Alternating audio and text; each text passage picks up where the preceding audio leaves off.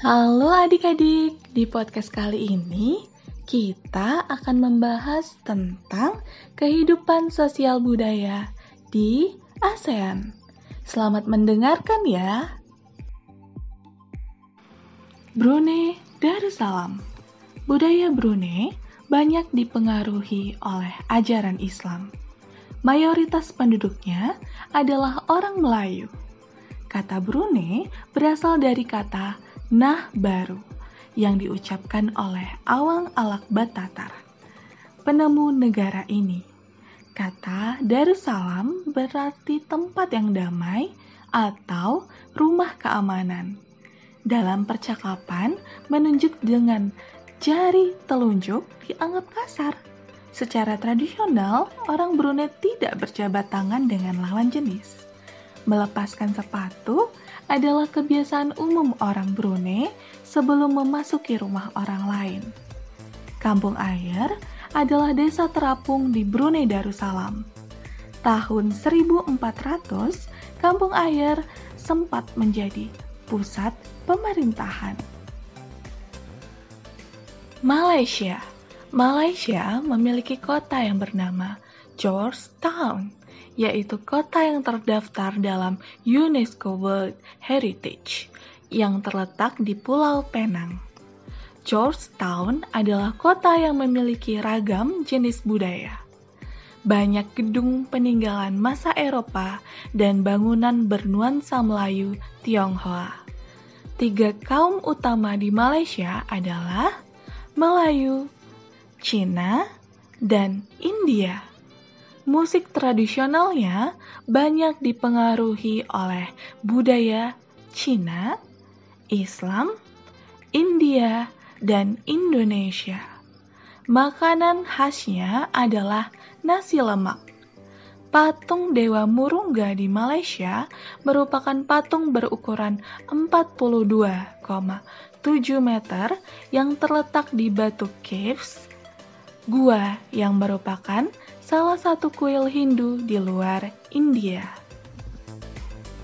Filipina Budaya Filipina dipengaruhi oleh budaya Melayu, Cina, dan Spanyol. Bahasa Filipina adalah bahasa nasional dengan bahasa Inggris sebagai bahasa pengantar untuk urusan perdagangan atau pergaulan.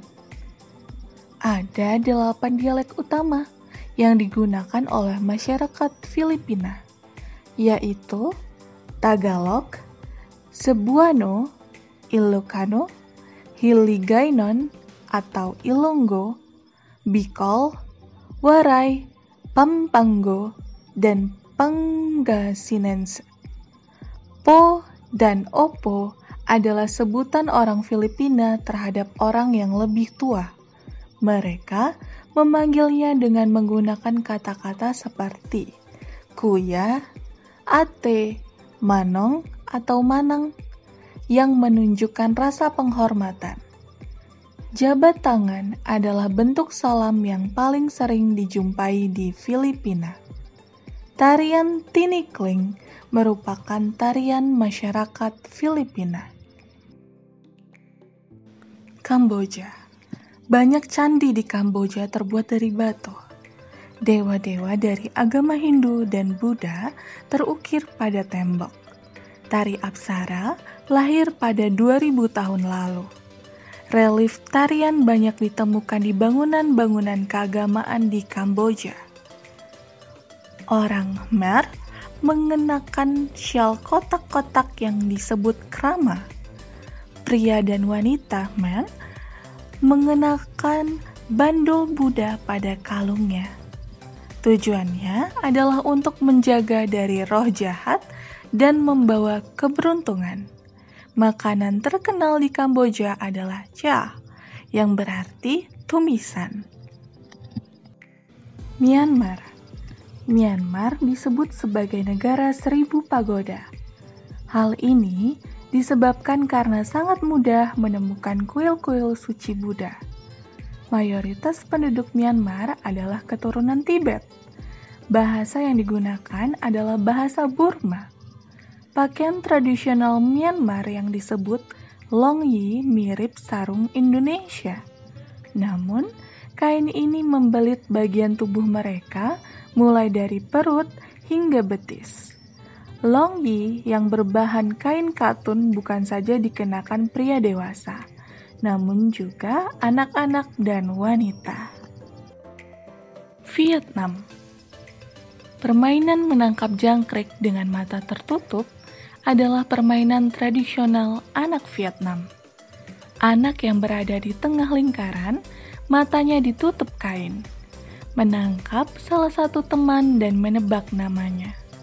Vietnam terkenal dengan baju khasnya yang disebut Ao Dai. Topi caping pun banyak ditemui di sana.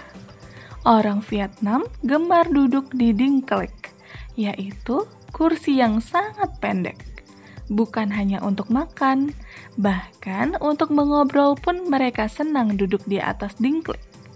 Mayoritas orang Vietnam memiliki nama keluarga Nguyen.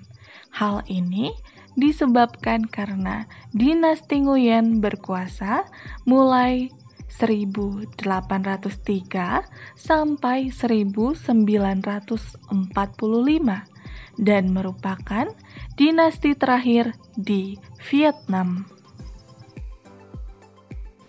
Laos Nama Laos berhubungan dengan penemunya, yaitu Ai Lao. Orang Laos terkenal dengan kesabaran dan kesederhanaannya. Hal ini terkait dengan ajaran agama Buddha yang banyak dianut masyarakatnya. Olahraga tradisional di Laos adalah katau. Tahun baru Laos disebut Bun Pimai. Semua penduduk membersihkan rumah, mengenakan pakaian baru, dan mencuci patung-patung Buddha. Makanan utama bangsa Laos adalah nasi atau beras ketan yang dimakan dengan tangan langsung. Orang Laos menyebut dirinya Luk Kau Miao, yang artinya anak turun nasi ketan upacara sakral pemberian sedekah atau dikenal dengan saibat merupakan upacara di Laos. Singapura Merlion adalah patung berkepala singa dan berbadan ikan yang menjadi lambang negara. Menurut mitos, Singapura dahulunya adalah kampung ikan. Kampung ini bernama Temasek yang berasal dari bahasa Jawa yang artinya lautan. Singapura berasal dari kata Sansekerta yang berarti kota singa. Penduduk Singapura berasal dari Cina, Melayu, India, dan Eropa. Kaum Baba adalah sebutan bagi keturunan Cina Melayu.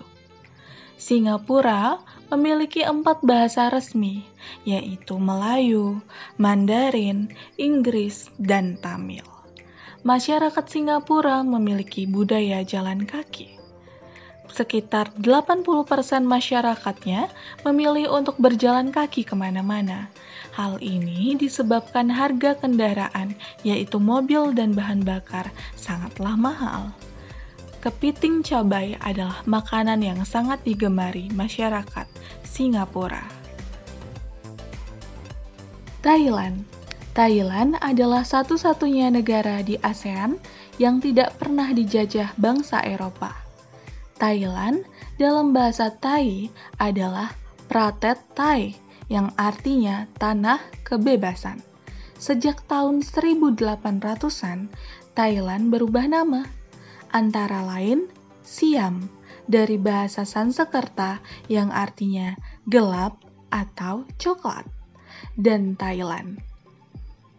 Ramakien adalah cerita nasional Thailand yang mempengaruhi kehidupan masyarakatnya. Di Thailand, kepala adalah bagian tubuh yang paling dihormati. Tidak ada orang yang akan berani menyentuh kepala, bahkan kepala anak-anak Sebaliknya, bagian kaki dianggap bagian yang paling hina karena dipakai sebagai alat untuk menapak di tanah. Oleh sebab itu, kaki tidak boleh dihadapkan ke patung suci atau orang lain. Thailand memiliki tradisi minum teh disajikan dengan susu dan rempah-rempah. Indonesia Indonesia merupakan negara kepulauan yang dihuni dari beragam suku dengan budayanya masing-masing. Ada lebih dari 1.340 suku bangsa di Indonesia. Agama yang diakui di Indonesia ada enam, yakni agama Islam, Kristen Protestan, Katolik, Hindu, Buddha, dan Konghucu. Indonesia pernah dijajah oleh Portugis, Spanyol, Belanda, Prancis, Inggris, dan Jepang. Indonesia memiliki salah satu olahraga tradisional yang bernama pencak silat. Bangsa Indonesia sangat menjunjung tinggi persatuan dan kesatuan. Budaya gotong royong menjadi salah satu ciri khas bangsa Indonesia yang berarti bekerja bersama-sama untuk mencapai suatu hasil yang diinginkan. Indonesia juga memiliki tarian dan kesenian yang sudah dikenal masyarakat dunia, seperti tari kecak dari Bali dan tari saman dari Aceh. Nah, adik-adik, sekian pembahasan kita tentang kehidupan sosial budaya di ASEAN ya. Ternyata kehidupan sosial budaya di ASEAN sangatlah beragam. Sampai jumpa di podcast berikutnya, dan selamat belajar!